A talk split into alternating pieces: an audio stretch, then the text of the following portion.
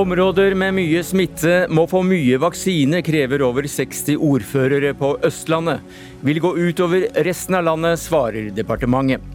Langrennssporten har rota seg bort, skriver kjent svensk forfatter. Mener sporten døde med fellesstarten. Arbeidsgiverne bør betale mer for langtidssyke, mener utvalg. Nei, sier LO, og frykter svekket sykelønnsordning. Innvandrere er kraftig overrepresentert på smittestatistikken. Hva er det som svikter, spør kommentator. Og Cuba åpner opp for privat business i 2000 bransjer. Landet er inne i et skjebneår, spår Cuba-ekspert. Ja, Det er noen av sakene vi har i Dagsnytt 18 denne torsdagen, der vi begynner med kravet om at utsatte områder må få vaksiner raskere. For eh, ordførere i over 60 kommuner på Østlandet har sendt et brev til Stortinget der de ber om at områder med mye smitte må få mye vaksine, skriver VG i dag.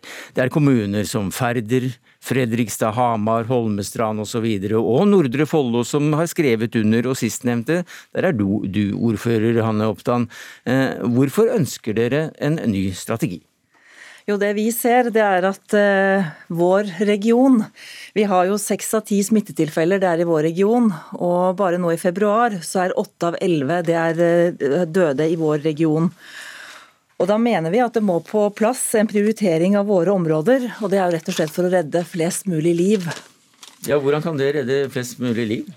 Jo, Vaksinen uh, er jo en begrensende, altså til, mangel på tilgang til vaksiner det er jo det som gjør at eh, man blir tvunget til å gjøre prioriteringer.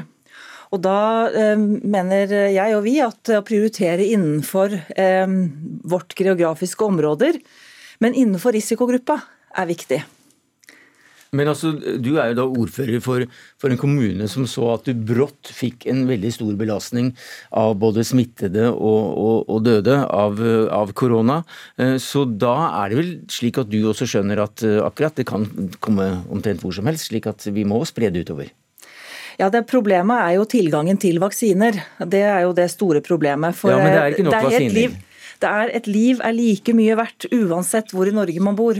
Og Da gjelder det at man gjør prioriteringer innenfor eh, risikogruppen utover et større geografisk område. Fordi vi er så stort område. Og vi er et eh, Vår region, vi ferdes jo på et kryss og tvers eh, som en bo- og arbeidsregion. Så mobiliteten er så høy. Og det betyr også med antallet som bor i vår region, så vil eh, utslaget bli eh, så stort. Saliba Andreas Korkunsch, du er statssekretær i Helse- og omsorgsdepartementet. og Hva sier du til denne oppfordringen fra 60 kommuner eh, og ordførere i østlandsområdet? Jeg har veldig forståelse for den oppfordringen. For det er, eh, det er klart at man vil ha, få sin egen befolkning vaksinert eh, fortest mulig. Så, Så nå har, blir det en forandring i strategien?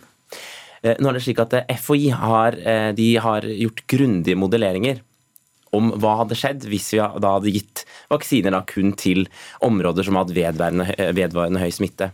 Og De kom frem til at hvis vi hadde gjort det nå, med de eh, relativt få dosene vi har, så hadde flere personer dødd og flere hadde fått alvorlig sykdom i hele landet. Så at det eh, regnestykket slik det er nå, det er, går dessverre ikke i favør til de noen og 60 kommunene på Østlandet. Nei, men Hva er galt med resonnementet til ordføreren her? Det er jo rett og slett sånn at det, det tar fire uker før vaksinene eh, får full effekt hos en person. Eh, og på fire uker så kan det dukke opp svært mange forskjellige utbrudd eh, rundt omkring i landet, for vi vet ikke hvor neste utbrudd kommer.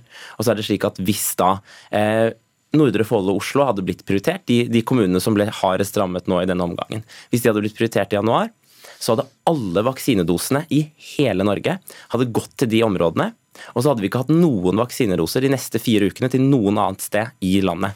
Hva hadde skjedd da i Ulvik, som jo hadde opplevd svært lite smitte, før de nå er i praksis mm. nedstengt? Det som eh, jeg sa i sted, det var jo at man prioriterer innenfor geografiske områder, men dog da innenfor risikogruppene. Det betyr at vi tar de 65 pluss. Vi tar risikogruppene og vi tar helsepersonell, slik som FHI har, har sagt. Men at man gjør de prioriteringene, så mangelen på vaksiner er jo egentlig det store problemet her. Og mangel på tilgang eh, på, på vaksiner. men det er mangel så, på vaksiner, så det må mm. vi forholde oss til. Men dere ønsker en annen strategi for utrullingen av de vaksinene det er mangel på? Ja. ja. vi ser jo at belastningen i våre områder har vært svært høy. og Det er både for innbyggere, ansatte og ikke minst næringslivet i denne perioden vi har hatt. Ja, Byrådslederen i Oslo kaller det jo, eller sier at Oslo by er på bristepunktet. og Hvis du ser på, på dette at Oslo ligger på 197.-plass av norske kommuner når det gjelder grad av vaksinering, Utsira kommune har flest vaksinerte i forhold til befolkningen, uten et eneste smittetilfelle. Det virker jo veldig pussig. Det kan det godt gjøre, men FHI har jo faktisk da hatt en modellering, en svært grunnlig modellering. Der de har, ja, der, at, der de har puttet alle tall inn, i, inn i en modell, og så får dere ut et svar. Ja, og det mm. viser at hvis vi gjør som disse østlandskommunene ønsker, så vil flere nordmenn dø å få alvorlig sykdom. Fordi vi vet ikke hvor neste utbrudd kommer. Og Det så vi som sagt da i Ulvik, som knapt har hatt noe smitte. Men det er en veldig stor andel av befolkningen i Ulvik mm. nå er smittet. Hadde ikke de fått vaksine i det hele tatt i januar, så hadde de ligget betydelig dårligere an. Og mm. det er nettopp det. Vi vet ikke hvor det neste utbruddet kommer. Men de har jo ikke hatt noen flere vaksiner der. Men som sagt, et liv er verdt like mye uansett hvor i Norge man bor. Og da er vi igjen tilbake til tilgangen på vaksiner. Og også nettopp det at viruset er så uforutsigbart. Altså Vi er en, et område med svært høy mobilitet.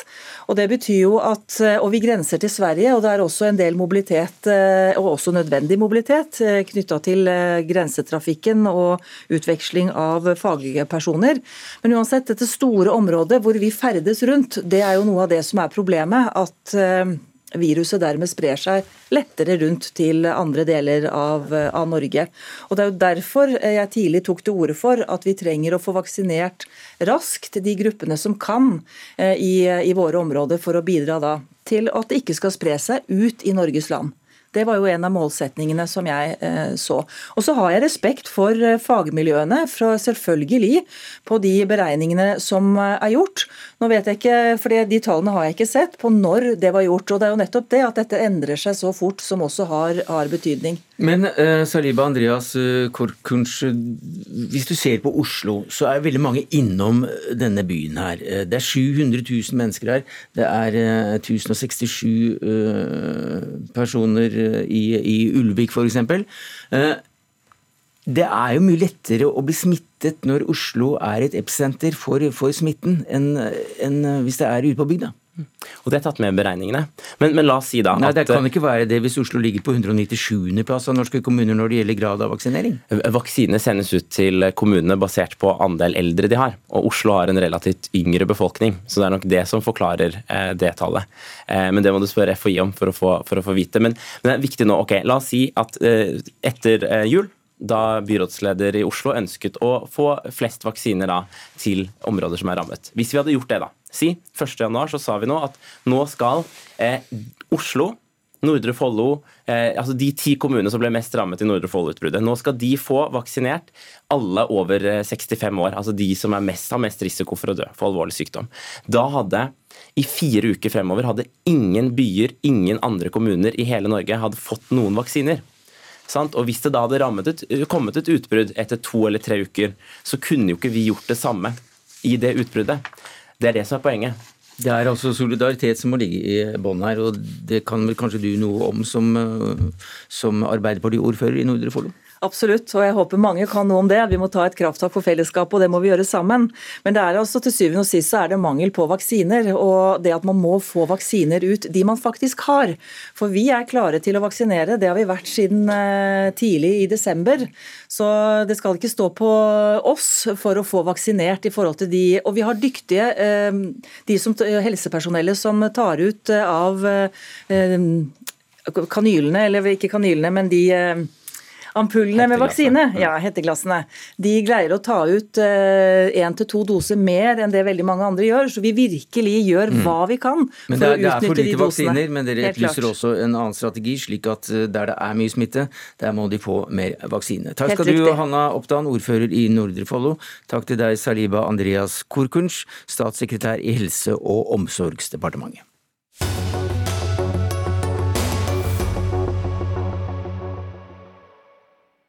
Så hvis man da skulle bli eh, uheldig, eh, være uheldig og bli syk og sykmeldt i lang tid, så betaler arbeidsgiverne i dag lønna di de første 16 dagene. Etter det er det staten som betaler full grunnlønn, til sammen blir det ett år. Staten ser det som et problem at så mange er langtidssykmeldt, og satte ned et utvalg som kom med et, eh, en offentlig utredning i dag. Og norske arbeidsgivere må vise større engasjement for å få langtidssykmeldte ansatte tilbake i jobb. Det mener sysselsettingsutvalget ledet av eh, deg, Steinar Holden, professor ved Økonomisk institutt ved Universitetet i Oslo. Hvordan vil dere ha arbeidsgiverne mer på banen? Ja, veldig Mange arbeidsgivere er eh, veldig godt på banen og gjør en veldig god jobb. Men så ser vi at det er andre arbeidsgivere som ikke gjør en fullt så god jobb. Og Da tenker vi at, eh, at da må vi styrke de insentivene de har til å gjøre eh, dette. Så vi foreslår at arbeidsgiverfinansieringen på sykepengene skal legges Eh, om, det, eller det er en modell som vi ser på nå, eh, som vi har diskutert og som vi foreslår vurdert, at arbeidsgiverperioden eh, skal legges om. Sånn at arbeidsgiver da betaler de første tolv dagene, og ikke de første 16 dagene. Det er det fire dager inntent for arbeidsgiverne. Og så til gjengjeld så skal de betale 10% av sykepengene etter tre måneder. Og Det betyr at det blir dyrere for en arbeidsgiver å ha, ha en eh, sykemeldt eh, etter eh, tre måneder. Og Det vil styrke da arbeidsgivers insentiver til å følge opp.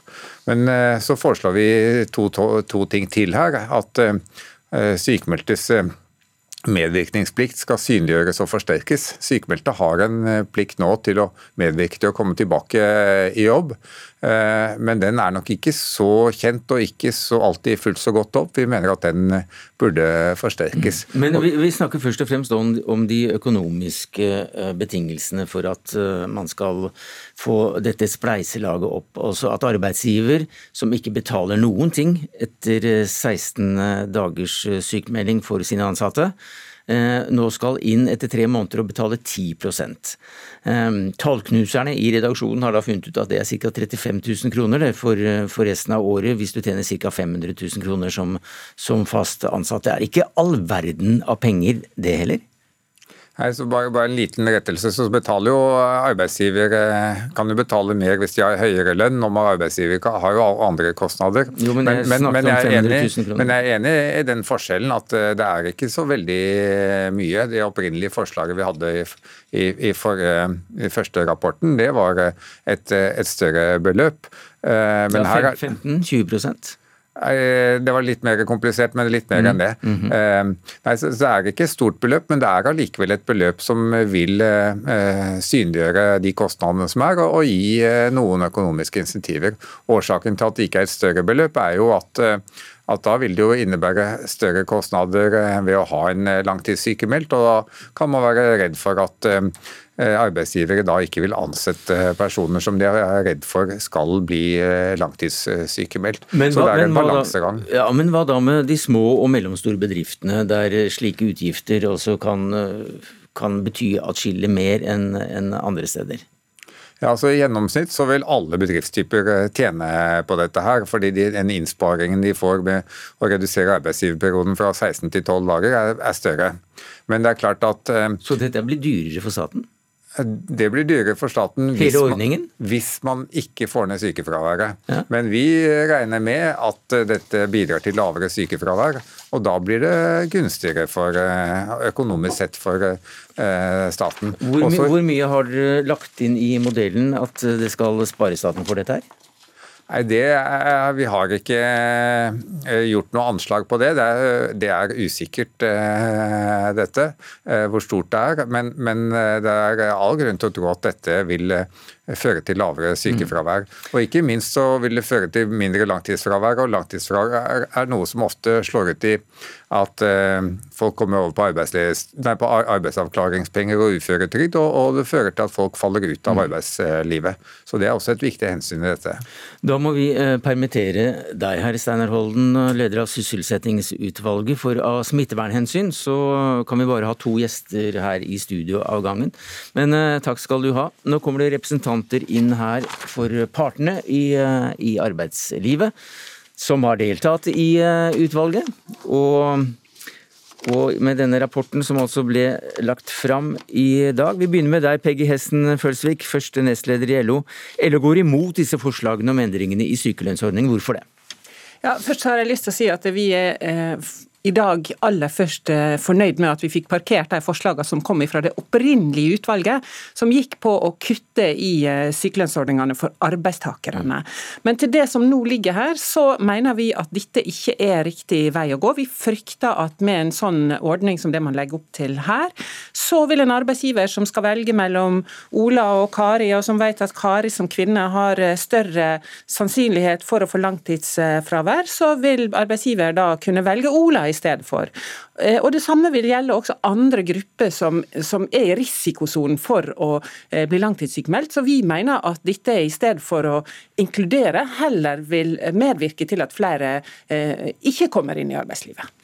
Hvordan kan dere være uenig i det som også da leder, eller som er en arbeidstakerorganisasjon, nemlig Akademikerne, leder Kari Sollien? Nå er jeg fra NHO. Ja, du er fra NHO. ja. Men vi Så har med oss Kari Solli nå. Ja. ja. Og jeg spurte ja, deg. Ja. Mm. Eh, eh, vårt mål har også selvfølgelig vært når vi gikk inn i dette her arbeidet, å unngå å kutte i sykelønna til arbeidstakere. Så vi er veldig glad for at vi har lykkes med det. Men vi mener jo òg at eh, vi må ta noen aktive grep for å få ned langtidssykefraværet i Norge. Som Steinar Holden sa, vet vi at det fører til at mange havner varig utenfor arbeidslivet. og Det er et inkluderingsproblem som vi må ta tak i. Så jeg mener at vi, den beste måten å sikre sykelønna for arbeidstakere i eh, framtida på, det er nettopp å gå aktivt inn eh, og se på nye virkemidler for å redusere det totale sykefraværet og langtidsfraværet spesifikt. Men du hørte jo Peggy Hessen eh, Følsvik her, som første nestleder i, i LO, påpeke at dette kan slå veldig skjevt ut. At f.eks. den gruppen arbeidstakere, kvinner, ikke så lett da blir tatt vare på. Ja, jeg er selvfølgelig eh, helt enig i at det er viktig at vi tar eh, tak i det som handler om gode skjermingsordninger. og Det er jo en del av dette forslaget som er beskrevet i eh, rapporten vår òg. Det finnes jo gode skjermingsordninger i dag for de som har kroniske sykdommer og mye sykefravær. Og det finnes forsikringsordninger for små og mellomstore bedrifter. Og det er helt åpenbart at vi må se på disse ordningene og videreutvikle mm. i ordningen, sånn at vi kan kompensere for eventuelle negative effekter av et sånt Eh, forslag. For det er klart at Ingen av oss ønsker at eh, kronikere f.eks. skal eh, diskrimineres ved ansettelser. Det, det er også gode skjermestiltak, Peggy Hessen Følsvik? Som, som, da gjør at man kommer bedre ut enn en eh, første antatt. Men du, men du, kan ikke lage en ordning som skal basere seg på at du skal ha gode skjermingstiltak. Da er det jo noe galt med ordninga i utgangspunktet. Eh, så vi mener altså at eh, dette er feil vei å gå. Vi er helt enig i selvfølgelig målsettinga om å inkludere flere i arbeidslivet. Det, vi, mm. det har vi høyest på dagsordenen, og det har vi hatt også gjennom IA-avtale og alt, alt, det andre arbeidet som vi gjør. Men, men denne forskyvninga her, mener vi er å gå feil vei. Kari Solien, leder av Arbeidstak... Nei, Nina Melsom, du er direktør for arbeidsliv i, i NHO. Eh, altså den største arbeidsgiverorganisasjonen. Og dere er med på dette forslaget, selv om det da koster arbeidsgiverne mer penger. Hvordan henger det sammen? Vi er enige med akademikerne i at vi må gjøre noen aktive grep for å få ned langtidssykefraværet. Og Tilbakemeldingen fra våre bedrifter er at godt sykefraværsarbeid det gir resultater og lønner seg. Derfor så ønsker vi å se på en modell som kan få hele Bedrifts-Norge med på, å, eh, på et slikt arbeid. Og Det stiller krav til arbeidstakerne, til arbeidsgiverne, til sykemelder og til Nav. Den modellen som er foreslått, og som vi ønsker å være med og konsekvensutrede videre, den gir, vil gi en besparelse for, til bedriftene på oppunder 1 milliard kroner. Den er stresstestet på mot både store og små bedrifter og ulike næringer. Og det, De vil komme bedre ut. Og Grunnen til det er jo at man reduserer arbeidsgivers forpliktelser i starten av sykefraværet, og så legger man mer mm. ansvar på langtidssykefraværet. Peggy Hessen Følsvik. Ja, fortsatt så er det sånn at vi er opptatt av at vi i dag har en god sykelønnsordning. Det har vist seg ikke minst under den situasjonen som vi har vært i nå med pandemi. Eh, og vi eh, mener at den eh, gir en rimelig god fordeling for arbeidstakere og for arbeidsgivere. Og som sagt, det å forskyve på belastninga her, det har vi lite tro på. Vi vet hva det er som virker. Vi har sett hva som virker gjennom IA-arbeidet vårt. Det er altså, tett samarbeid inkluderende mm. arbeidsliv. Det er tett samarbeid mellom tillitsvalgte og arbeidsgiver ute i bedriftene, og et godt forebyggende arbeid. Så, så vi ønsker at vi skal jobbe videre med de, eh, med de virkemidlene som vi vet virker. Dette tror vi blir en avsporing som jeg sier, vi er redd for heller vil støte folk ut og hindre at eh, sårbare grupper kommer inn i arbeidslivet, i stedet mm. for å virke etter det som her er hensikten. Men så er det jo viktig å understreke at vi har et veldig høyt sykefravær i Norge. Eh, og Det betyr at vi er ikke ferdig med jobben i forhold til å få redusert sykefraværet. Det tror jeg alle er enige om, men, eh, men du hører om disse sårbare gruppene som eh, LO er redd for faller utenom? Ja, Vi ønsker jo ingen i utvalget ønsker en sykelønnsordning som medvirker til at de med helseutfordringer faller ut av arbeid. Nei, men de får det ifølge LO. Det, det, det kommer jo også litt an på. for det er klart at De med helseutfordringer de kan også slite med et korttidssykefravær. og Da kan de kanskje komme heldigere ut med denne alternative mm. modellen. og Da tenker jo jeg også at her må vi bruke mer. Vi må i hvert fall være nysgjerrige på å utrede den nye modellen. og Det er litt underlig at LO ikke er med på. Men vi mener at vi har en god sykelønnsordning i dag, og vi mener at vi veldig fint kan jobbe videre innenfor de eh, rammene eh, som, som vi nå har. Eh, og Derfor har vi også valgt å si at vi ikke ønsker å være med videre i dette arbeidet. Akademikerne? Ja, eh, Vi skal selvfølgelig fortsette å jobbe godt ute på de lokale arbeidsplasser med forebyggende arbeid. og Det er jo nettopp fordi vi tror at her er det et potensial for å forebygge.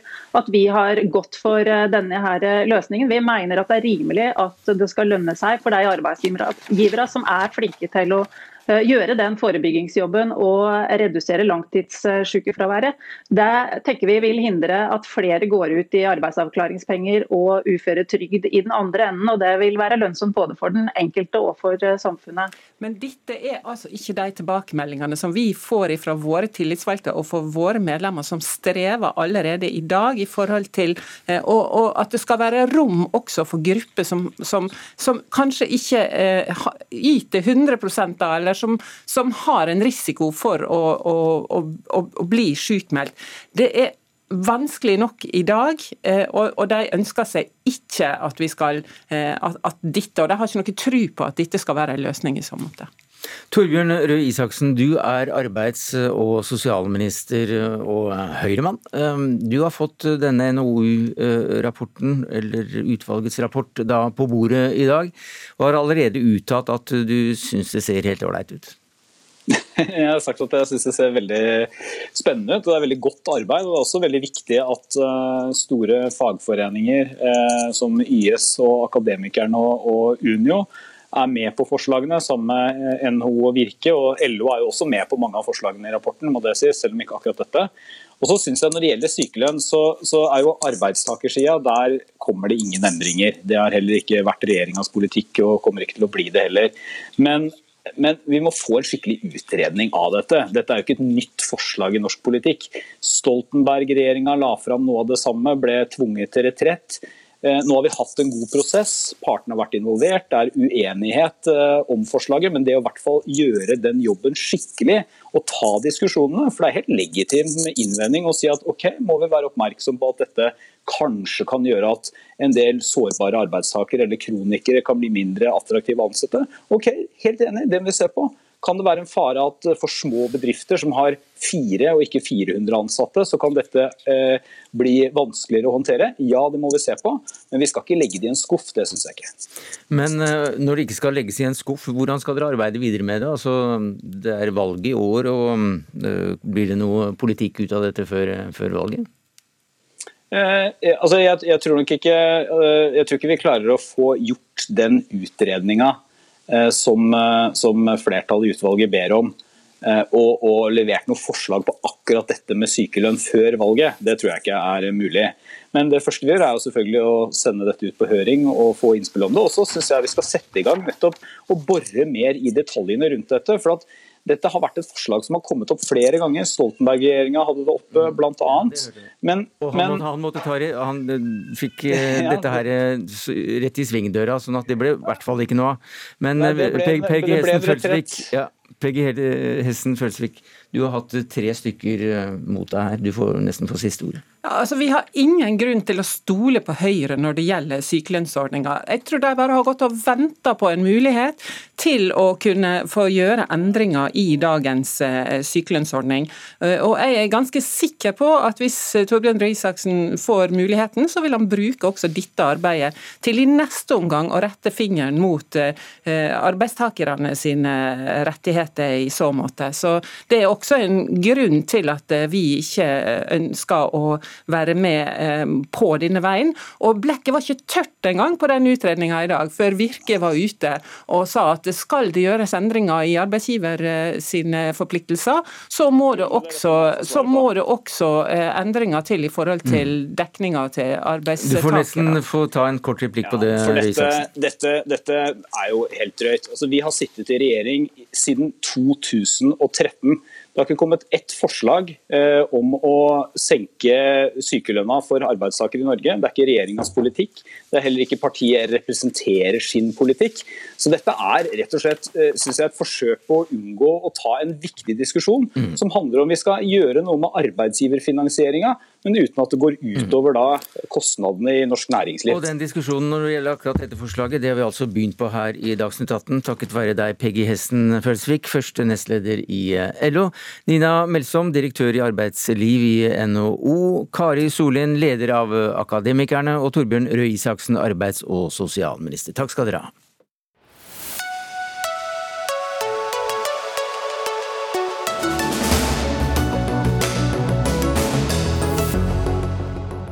Ja, Senere i eh, sendinga så skal vi høre at langrennssporten har rota seg bort, mistet sin sjel, og at man eh, må gjøre noe med å få ned koronasmitten blant innvandrere. Men nå skal vi til, eh, til Karibiens største øy, som lenge har badet seg i økonomiske og politiske bølgedaler, færre bølgetopper. Cubas økonomi kollapset som kjent da Sovjetunionen forsvant og Russland ikke lenger kunne holde seg med den slags vasalstat som eh, bare er noen spreke fiskesprett fra USA. Og da Venezuela ikke lenger kunne bidra med oljedollar, ja da sank eh, nivået på økonomien i Cuba rett til bunns. Men nå åpner altså Cuba opp for privat business i 2000 sektorer, ifølge landets arbeidsminister. Og hva skjer? Cuba-kjenner forsker og forfatter Vegard By. Ja, Foreløpig er det veldig vanskelig å si hva som skjer, for dette er forsiktige første skritt. Um, jeg snakket med en venn av meg på, i Havana i dag, en av Cubas ledende økonomer. Han sa at uh, dette er en begynnelse som uh, nå legger opp til at det blir en lang kamp framover, det blir interne motsetninger. Og Det nye på Cuba er faktisk nå at nå går det an å uh, få til en dialog når regjeringen legger fram et slikt forslag. For det er forslag, et forslag. Mm. og skal det være partikongress i, i Havana i, i april. Og fram til det vil det være en dragkamp. Både mellom parti, stat og det sivile samfunn, og internt i partiet. Det viktige er at det er, eh, at det er en prosess som har kommet i gang, og så er det veldig ulike oppfatninger om hvor store skritt som egentlig er tatt. Mm. Uh, men du snakker om en partikongress i, i april, og du, du, skriver at der sitter jo da fremdeles Fidel Castros 90 år gamle venner og, og utgjør en, en fløy som kan stoppe slike forslag. Hva tror du skjer her? Ja, Nå skal jo alle disse ut, da. Nå er de definitivt pensjonister i april. Eh, det kommer en ny generasjon uten at det nødvendigvis betyr noen endring. fordi det, det, er, jo det, det er jo de gamles etterfølgere som på en måte har overtatt. Eh, hvor mange nye som kommer inn, hvor mye ny tenkning som kommer inn, det tror jeg er veldig avhengig av hele dynamikken både i økonomi, i politikk og ikke minst i forhold til USA. Eh, jeg tror dette året blir et veldig spennende år på Cuba. Eh, en ting er økonomiske problemer og økonomiske utfordringer. En annen ting er at vi nå har sett en ungdomsgenerasjon som for første gang begynner å gå i gatene. Som begynner å ligne på det som skjer i andre land i Latin-Amerika. Ja, det var demonstrasjoner før jul i Havanna? Det var uh, veldig interessante ting som skjedde, hvor uh, også partiet ble tatt helt på senga. Og ble, det, ble, det, var ikke mulig å finne ut hva de skulle gjøre, så det var to linjer. En linje som ønsket dialog. En annen linje som, som kalte disse demonstrantene for CIA-agenter og det vanlige de pleier å bli kalt som. Eh, den kampen pågår fortsatt. Jeg tror ingen veit hva som blir utfallet av det. Men la oss holde oss til eh, disse, disse, sektorene som altså da det er lov å jobbe i og tjene penger med privat business, Ståle Wiig. Du er postdoktor ved Sosialantropologisk eh, institutt ved Universitetet i Oslo. Og i 18 måneder så var du en del av denne mer eller mindre uoffisielle økonomien. Du var torgselger, taxisjåfør, du solgte klær og prøvde å selge noen hus også, tror jeg. Eh, er denne oppmykningen godt nytt for eh, de du arbeidet sammen med på Cuba? Uh, ja, men et veldig betinget ja. Fordi, for det første så er det alltid sånn at når man snakker om sånne typer reformer som vi har sett flere av de siste tiårene, helt siden egentlig Sovjetunionens fall, som du var inne på, så, så, er det snakk om å legalisere og, og, formalisere en type økonomisk aktivitet som, som man alltid har drevet med på Cuba. Eh, så markedet har ikke kommet til Cuba, eller det kommer ikke til Cuba nå. Eh, folk har drevet med eh, alle mulige typer aktiviteter, noen innenfor lovens rammer og veldig mange på kanten eller utenfor. Så det er lovverket som det er et forslag om å forandre, og ikke selve strukturen i økonomien? Nei, men det vil jo også kanskje gi noen åpninger til folk som ønsker å starte uh, i noen nye nisjer. Samtidig så forandrer jo ikke det eh, brutale faktum seg at eh, den cubanske staten er nær sagt blakk. Og, og, vanlige cubanere også har nesten ikke penger. Så i, fra deres ståsted, som på gata, så vil så, så er det ikke ubetinga gode nyheter, eller i hvert fall ikke veldig viktige nyheter. De er fortsatt i en økonomi som, som, sliter. De har fortsatt lite penger, og staten har fortsatt veldig lite ressurser. Ja, så Det ble jo en doktorgrad av den, uh, de 18 månedene du var i feltarbeid, da, som, det, som, det, kalles på Cuba, og jobbet i alle disse ulike typer gråsonene og svarte soner og hvite soner som, som uh, arbeider på, på gulvet. Hvordan overlever en cubaner i dag som befinner seg på de nedre trinnene? Det cubanerne vil si, at de, de, de, finner på ting, eller de er veldig gode til å oppfinne det. Eh, de må være veldig kreative. Eh, fordi selv om en økonomisk aktivitet kan være legal, eh, så, så i praksisen så vil det være veldig vanskelig å lykkes lykkes med, å, å, å, med en business uten å bøye eller bryte regelverket. For eksempel, fortsatt sånn at Det er veldig vanskelig eh, og nærmest ulovlig å importere varer. La oss si at eh, vi her skal starte en restaurant, eh, ønsker å importere stoler fra Italia eller noe sånt. Da må vi fortsatt gå gjennom et, et statlig importselskap forholde seg til en del regler som ikke gir økonomisk mening. Og Derfor så, så er cubanere uh, veldig tilbøyelige til å finne uformelle måter å, å, få tak i varer på. Uh, det, er masse, det er systematisk tyveri fra statlig sektor som, uh, som omsettes til lavere priser i privat sektor.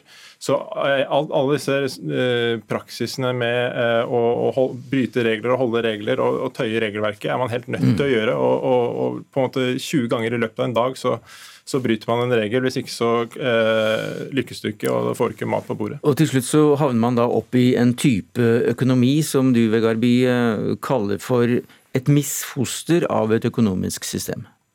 Ja, det er jo som Ståle beskriver, og som han har eh, sett på veldig nært hold, at cubansk uh, økonomi i dag det består i en slags parasittisk sameksistens mellom statlig formell og ikke-statlig uformell. Eh, hvor eh, nesten alle cubanere er avhengig av begge deler.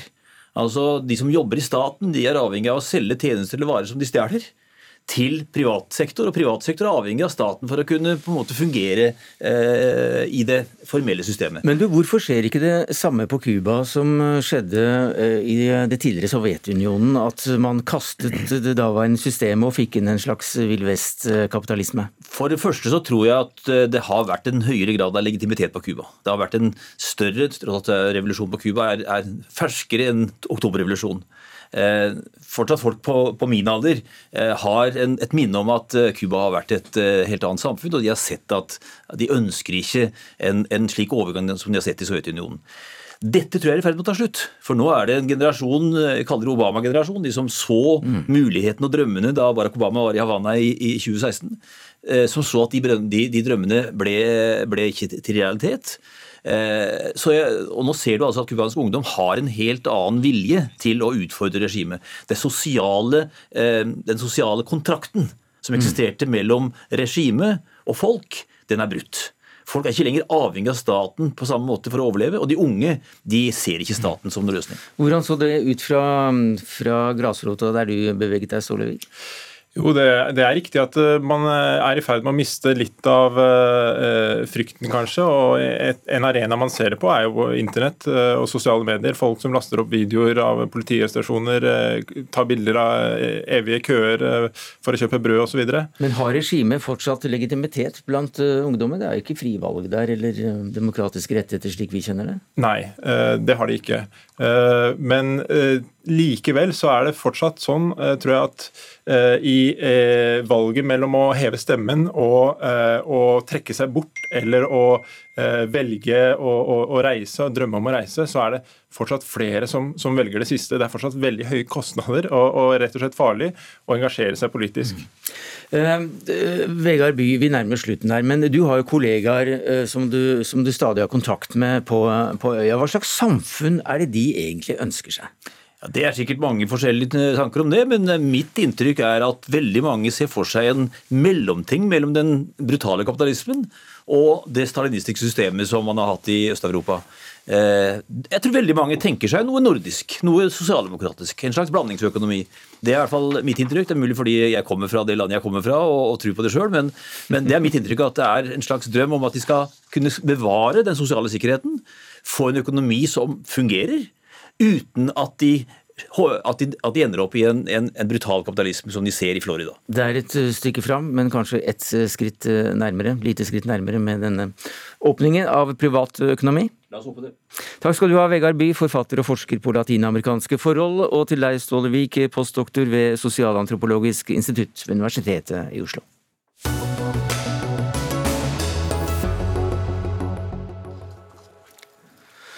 Ja, Vi står altså foran eh, et eh, ski-VM um, om ikke mange dagene. Men eh, skiløperne som vi kommer til å se i Oberstdorf fra 23.2 er verken skikonger eller dronninger.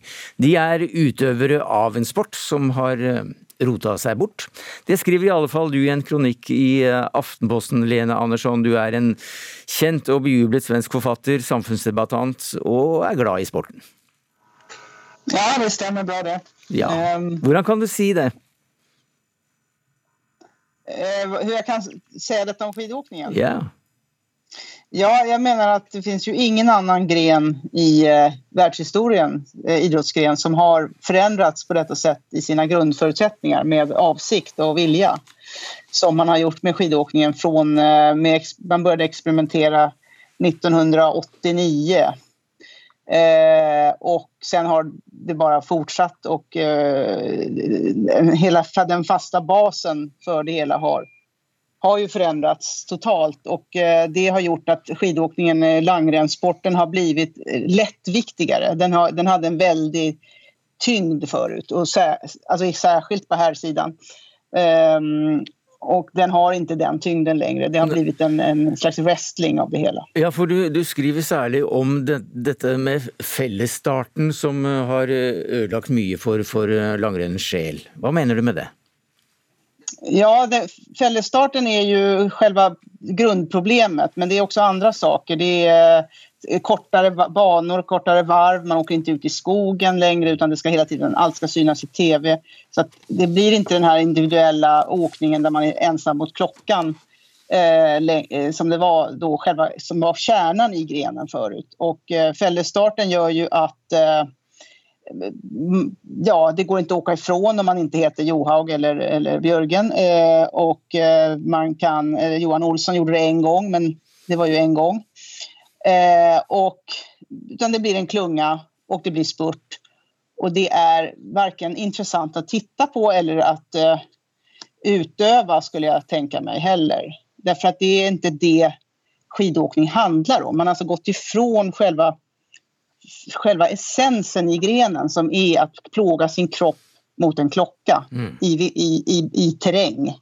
Åge Skinstad, du er den norske representanten i verdenscupkomiteen i Det internasjonale eh, skiforbundet, og du er tidligere langrennssjef i Norges eh, skiforbund. Hva er det dere har gjort med, med denne fine sporten vår? Vi har vel eh, gjort en slags kombinasjon da, av at vi har tatt vare på, på det gamle som, som eh, kronikøren her eh, etterlyser. Vi er, det er jo fortsatt 15, 30 og 50 km for menn. Eh, og det er litt annen distanse for kvinner. Det er, det er fortsatt intervallstart i nesten halvparten av alle distanserenn. Og det er kommet inn sprint i tillegg. Og vi er jo 50 km og 30 km i Holmenkollen som kommer nå i mars, hvis alt går som planlagt. Den er jo med intervallstart. Mm. og jeg forstår kanskje ikke helt Dette er jo et program, det programmet som nå er i VM i Oberstdorf, det ble faktisk vedtatt eh, av FIS i 2003. Ja, Lene Andersson, du hører jo nå argumentene som gjør at det er blitt større mangfold, og det er beholdt en del av de gamle grenene som, som ditt hjerte banker så varmt for. Ja, det er individuell start iblant, og det, det er jo bra. Da er det korta varv og eh, man, man i alle fall havner bakom noen rygg eh, nästan alltid. Och, men de, de loppen är ju också intressantare och de är eh, mer, eh, mer utslagsgivande. Eh, man hör också åkarna tycker att det är, det, det, det är egentligen det de vill hålla på med. Sen tycker jag sprint är en gren för sig. Den är ju, den är ju färdig, den har en perfekt form. Så den, den, har, den lämnar jag vid sidan av här. För den är ju vad den är. Den, är, den har hittat sin form och är en bra gren. Dock eh, lägre status än femmilen. Men du Men, skriver, eh, du, du skriver er også at alt, alt Unnskyld at jeg avbryter deg, du, du er på Skype fra, fra Sverige her. Eh, Du skriver også at alt dette her gjør at det fins ikke skikonger mer, eller, eller skidronninger. Hvordan kan du si det? Nei, det, det var noe särskilt alltså med att eh, det, det fanns en, man, blev, man var imponerad, man beundrade, man förstod vad det var de gjorde, de de här skidkungarna. Framförallt skidkungar, just att det var herrskidåkning var så, ett, alltså den var så, formerna var så exakta. Det var 15, 30, 50. Och man åkte många femmilar, eh, tillräckligt många, men, inte för många. Och det var precis detta man tävlade i och det var tidtagning. Och nu är det upplöst, det är plotter, sammelsurium, det är cirkus, det är ständigt. Alltså jag tycker att det är jämnt en massstart, men det, låter, det kanske är varann. Så vem var, så hvem var den siste norske skikongen, da? Men varför det inte blir några skidkungar är för att det inte är tungt nog. Därför att alla vet att det är inte samma sak att spurta till sig en vinst. Vi, alla förstår att det inte är lika, lika viktigt att ligga bakom en rygg och sen spurta. Den sista skulle jag säga är Bjørn Dæhlie. Skinstad, hva sier du til det? Bjørn Dæhlie er den siste skikongen. Ja, Bjørn Dæhlie var jo en veldig veldig bra, bra skiløper og kan absolutt kalles skikonge. Men eh, Petter Northug tror jeg kanskje har betydd eh, minst like mye for eh, langrennssporten om å kalle seg en skikonge. og Det samme kan vel Johannes Østfold Klæbo. Og den store, eller den største av alle, er jo dronningen. Marit Bjørgen. Og Marit Bjørgen har jo vist flere ganger at hun går rett ifra, selv om det er fellesstart. Johan Olsson fra Sverige han gikk jo rett ifra på femmila i 2013. En gang, Endre. Ja, men, Ja, en men gang. han, jo, jo, han gjorde det en gang, men altså, Hans Christer Holund gjentok jo det samme i 2019 på VM på 50 km i C-felt. og Nå er det jo snart så det kommer et, eh, et VM i, i, i Oberstdorf igjen. Og vi husker at eh, det, dette ble jo, det ble jo gått ifra på femmila. Riktignok to løpere som kjemper da, i OL i 2018, med Niskan og Bolsjunov. Så, så jeg, det virker nesten som at eh, ikke har fått med seg den siste delen av utviklingen. Altså de ti siste åra så har på en måte fellesstarten også blitt mer sånn, skal vi si, utviklet, som gjør at noen velger å gå ifra. Og, og prøver det, mens andre på en måte da venter på spurt og har egenskapene sine der. Lene Andersson, får- Lene Andersson Dette gjør at eh, mange at jeg må flere avbryte deg, vi begynner å nærme seg slutten her, Skinstad. Men eh, Lene Andersson, hvis nå svenskene gjør det fantastisk i Oberstdorf om noen få dager, eh, vil du da ha forandret mening?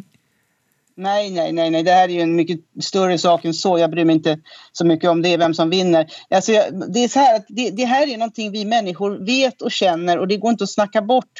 Eh, vi, vi ser att det här har mindre tyngd. Det, det är Lattjo låda Peter var ju tvungen att hålla på med massa spex utanför och förnedra motståndarna och hålla på för att bli medial och allt det här. Så det, det, det är så man vet inte längre vad det är man mäter. Man förstår inte vad det är man mäter och det förstod man förut. Att det var kondition, styrka och att orka Mm. pressa sig. Och det är väldigt intressanta saker att mäta. Det fanns en stor beundran för detta. Det, här, det, är, nej, det är inte samma sak. Sen får ni säga vad ni vill. Det, alla vet det här, alla ser det. Eh, och det, man kan låtsas en massa saker, men det, så är det bara. Ja, Ikke alle ser det, f.eks. Åge Skinstad, men takk for at eh, du eh, var med. Og takk til deg, Lena Andersson.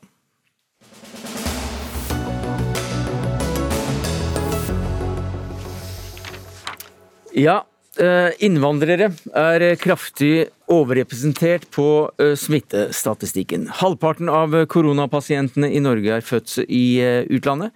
Helt siden mars i fjor er disse gruppene overrepresentert. Når smitten faller nå, så går det langsommere blant disse. Og du spør hva er det som svikter, Therese Sollien. Du er kommentator i, i Aftenposten. Har du noe svar på det? Eh, nei, jeg har ikke noe svar på det. Men eh, jeg tror kanskje at eh, den andre gjesten i studio kan svare Ja, bedre enn meg. Men jeg, jeg begynner med deg, for du spør om dette vitner om et parallellsamfunn. Ja. Det er, når det uke etter uke, måned etter måned viser seg å være sånn at i de innvandrertette bydelene så er det en enorm overrepresentasjon, overrepresentasjon av smitte, da ser man jo et tydelig bilde på en delt by. By hvor det finnes store deler av befolkningen som ikke lytter til Raymond Johansen når han står og doserer om hva man bør og ikke bør gjøre. Og det, det, det Bent Høie sa, om at det nytter ikke å dele ut skam, det tror jeg er helt riktig, men man må likevel finne ut hva er det som virker, da. Fordi det her fører til ikke bare en forferdelig situasjon for innvandrerne selv, som ser sine, sine familiemedlemmer, sine slektninger og venner bli syke, havne på sykehus og dø. Men det, et, hvis jeg skal dømme ut fra den innboksen jeg har hatt det siste døgnet, så tror jeg også det viser at arbeidet med å redusere fordommer mot innvandrere det arbeidet tror jeg er blitt satt tilbake kanskje 20 år i løpet av denne pandemien. Det er så mange som, som fordommene blomstrer om hvorfor man ikke får den smitten. For du peker også på Integrerings- og, og mangfoldsdirektoratet, IMDi. Ja, eh, jeg mener det er avgjørende å få kommunisert eh, hvilke tiltak som har vært, eh, som har vært forsøkt satt inn for å motvirke denne utviklingen. Det er ikke en kritikk av IMDi, men jeg er interessert i å få den debatten opp og frem, for å, for å vise frem at det nødvendigvis ikke bare handler om at innvandrere f.eks. gir blaffen i smittevern. Den, den forestillingen bør ikke få lov å feste seg, tror jeg. Libe Riber Moen, du er direktør eh, for Integrerings- og mangfoldsdirektoratet. Og nå har det også snart gått et år. Eh, Alle har fått med seg at det er en pandemi i gang, så hvorfor er innvandrerne fortsatt overrepresentert på smittestatistikken, slik deres eh, forskning kan tyde på? Det er ganske sammensatte årsaker, eh, og det er mye man eh, fremdeles ikke eh, vet nok, nok om, rett og slett. Norske myndigheter, og IMDi inkludert, har jo iverksatt veldig mange tiltak da langs den såkalte TISK-kjeden, hvor vi på en måte har målretta tiltak opp mot innvandrerbefolkningen og innvandrergrupper. Og til tross for veldig omfattende og massiv innsats fra både IMDi og andre nasjonale og lokale myndigheter og frivillige organisasjoner og ildsjeler, så er allikevel eh, smittetallene høyere blant deler av innvandrerbefolkningen. Og det er viktig å si, for dette er ganske stor forskjell. F.eks. personer fra Thailand ligger gjennomsnittlig under den øvrige befolkningen i Norge. Det du sier om å, å innføre en mengde tiltak også, jeg ser at um, et utvalg du ledet eh, la fram hastetiltak 8.12. i fjor, og ifølge Klassekampen er det bare to av var det 29 tiltak som er satt ut i live. Og så er det, så er det noe uh, diskusjon om akkurat de tallene der. Men uh, hvilke tiltak er det som er viktige, og som vi fremdeles venter på? Ja, nå har det, De tallene blitt korrigert i Aftenposten, for eh, over 20 av tiltakene er eh, enten iverksatt eller er pågående. Og Når jeg sier pågående, så er det fordi at de tiltakene vil måtte fortsette så lenge vi har en pandemi. Det Men hvilke er de viktigste tiltakene som vi, vi nå venter på kan gjøre en forandring?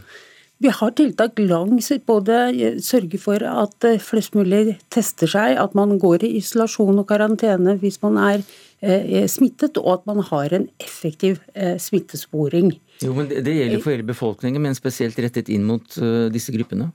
Ja, Da gjelder det at man har et, eh, lett tilgang til teststasjoner, at man formidler tilpassa informasjon, gjerne gjennom da personer som eh, man har tillit til, og som har kunnskap om dem man eh, snakker mm. til. Og at man har tilbud om karantene og isolasjon som er effektive.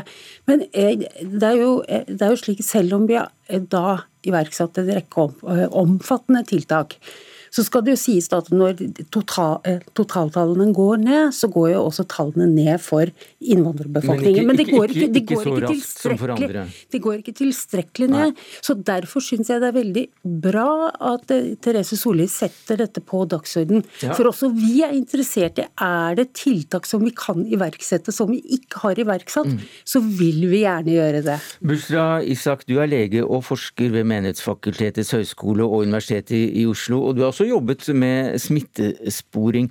Har, du noen eh, mening om eh, hva som nå kan gjøres, etter alle de tiltakene som er satt inn, viser seg ikke å virke så godt som vi kunne håpe? Jeg tror det er utrolig viktig først å presisere hva dette her handler om. Dette handler om det vi i forskning kaller om eh, sosial ulikhet i helse. Vi vet at eh, forskjellen på levealder mellom Oslo øst og Oslo vest er over eh, ti år.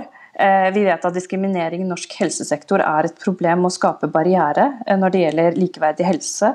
Og I pandemien så vet vi at det at folk bor trangt og har yrker som gjør at de er mer utsatt, de har flere deltidsjobber som gjør at den samlede eksponeringen er høy.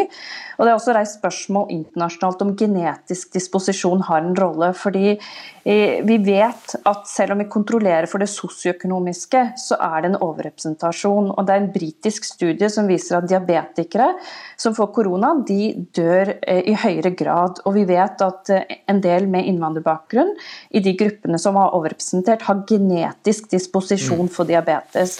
Så det er utrolig viktig å se på årsak, og da tror jeg det er utrolig viktig at de som skal eh, lage disse tiltakene, jobber kunnskapsbasert eh, og, og, har eh, mer målrettede tiltak. Ja, tror du ikke at de, de jobber særlig eh, forskningsbasert? Altså, en ting er at du klarer ikke å endre eh, folks levekår på eh, dessverre et år. Det tror jeg vi alle i studio skulle gjerne ønske. Men jeg tror det er en del rekke ting som eh, bør komme på bordet. Og det første som ble nevnt, som jeg syns er utrolig viktig, er å er å, er å, få bort antagelser om at folks identitet og religion er en barriere. Tvert om så vet vi i forskningen at det er positiv sammenheng mellom tro og helseutfall. Vi har fått opp brystkreftsscreeningen ved såkalte kultursensitive tiltak. Og så det, skulle jeg ønske litt eh, Her tror jeg vi må, ulike sektorer må tenke litt sammen. Vi vet at innvandreren har høy tillit til det norske samfunnet, men de har veldig lav tillit til norske medier. Og det å nå ut til folk gjennom tradisjonelle medier, det har vært en utfordring. Og da skulle jeg ønske at eh, norske medier også gikk litt i seg sjøl eh, og, og tenkte tenker på hvordan vi kan nå ut. Vi vet at en av grunnene til at man har lav tillit, er at innvandrerbefolkningen føler at de utelukkende blir eh, fremstilt på en negativ mm. måte. Therese Sollien, som kommentator i Aftenposten, da, så, så, har du også da fått en, en del reaksjoner på, på, det du skrev, som sagt. Eh, og, og hva, hva, slags reaksjoner var det? Du kaller det grumsete. Jeg gjør det. Det handler eh, mye om jeg tror ikke jeg skal gjengi så mye av innholdet der, men det handler om svært negative, stereotype forestillinger om hvorfor innvandrere har så høy smitteandel. Det handler om at de ikke bryr seg, at de ikke er en del av dugnaden, at de gir blaffen i smitteverntiltak. At de stoler mer på Gud enn på Raymond Johansen. At de ikke kan lese sånne type, sånne type henvendelser. Og det er blitt fortalt, og det er ofte folk som ikke har lest artikkelen min fordi de ikke abonnerer på Aftenposten. Det burde alle gjøre. Hva, hva, sier du til å, å, at en artikkel da får slike eh, kommentarer, og, og hva, hva, sier det om vanskeligheten i det arbeidet å, å, snu denne trenden? Det er ikke bra. Det er veldig bra at norske myndigheter har vært åpne om eh, tallene. Eh, fordi eh, det er viktig å adressere utfordringene. Og norskpakistanere eller norsk-somaliere eller hvem nå det måtte dreie seg om, er like mye verdt. Og det er like viktig å ta vare, vare, på dem og sikre at, det, at, den smitten ikke sprer seg i de miljøene. Eh, jeg opplever vel en sånn, litt sånn tiltagende eh, polarisering. Hvor på den ene siden så er det en, en, gruppe som på en måte bare gir ansvaret til den enkelte innvandrer, at de gir blaffen, at de bruker sånne type argumenter som Therese her gjorde rede for. Og på den andre siden så får du også en gruppe som på en måte bare forklarer det med, eh, med sosioøkonomiske bakgrunn, trangboddhet osv. Og jeg tror at, at sannheten er mer eh, sammensatt. Og hvis man skal forholde seg til dette kunnskapsbasert, så er det ikke bare sosioøkonomiske faktorer som kan forklare hele denne forskjellen. Det er også sosiale, eh, kulturelle og økonomiske barrierer som hindrer at man når ut med ikke bare informasjon, men også endret handlingsmønster. Men eh, Bursdag Isak, eh, akkurat det med informasjon har jo vært en, eh, en, slags nøkkel det er pekt på. Er myndighetene i dag bra nok til å informere de gruppene som, som du arbeider også tett med?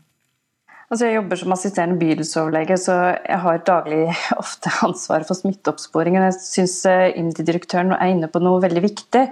Eh, vi opplever jo både det snakket om sosial ulikhet og sosioøkonomisk status, men også utfordring med etterlevelse. Og da har jeg en utfordring til IMDi-direktør tilbake. For noe av problemet med etterlevelsen er jo at eh, det, er rett og slett litt praktiske ting. Folk blir usikre. Jo, men hvis jeg havner i ti dager isolasjon, ti dager karantene, hvordan handler jeg? Jeg skulle gjerne ønske litt informasjon også om hvordan folk kan leve. Og så, og så er det en reell problemstilling at veldig mange eh, jobber som privat næringsdrivende. Butikkeiere, drosjesjåfører som allerede har lav timelønn. Og når de går i karantene, så mister de flere dager, eh, eh, dagers lønn fordi mm. de ikke blir kompensert fra dag én. Så jeg skulle ønske at IMDi kunne være en sånn talerør og, og, se hva som opplever som utfordrende, mm. litt sånn på bakkenivå.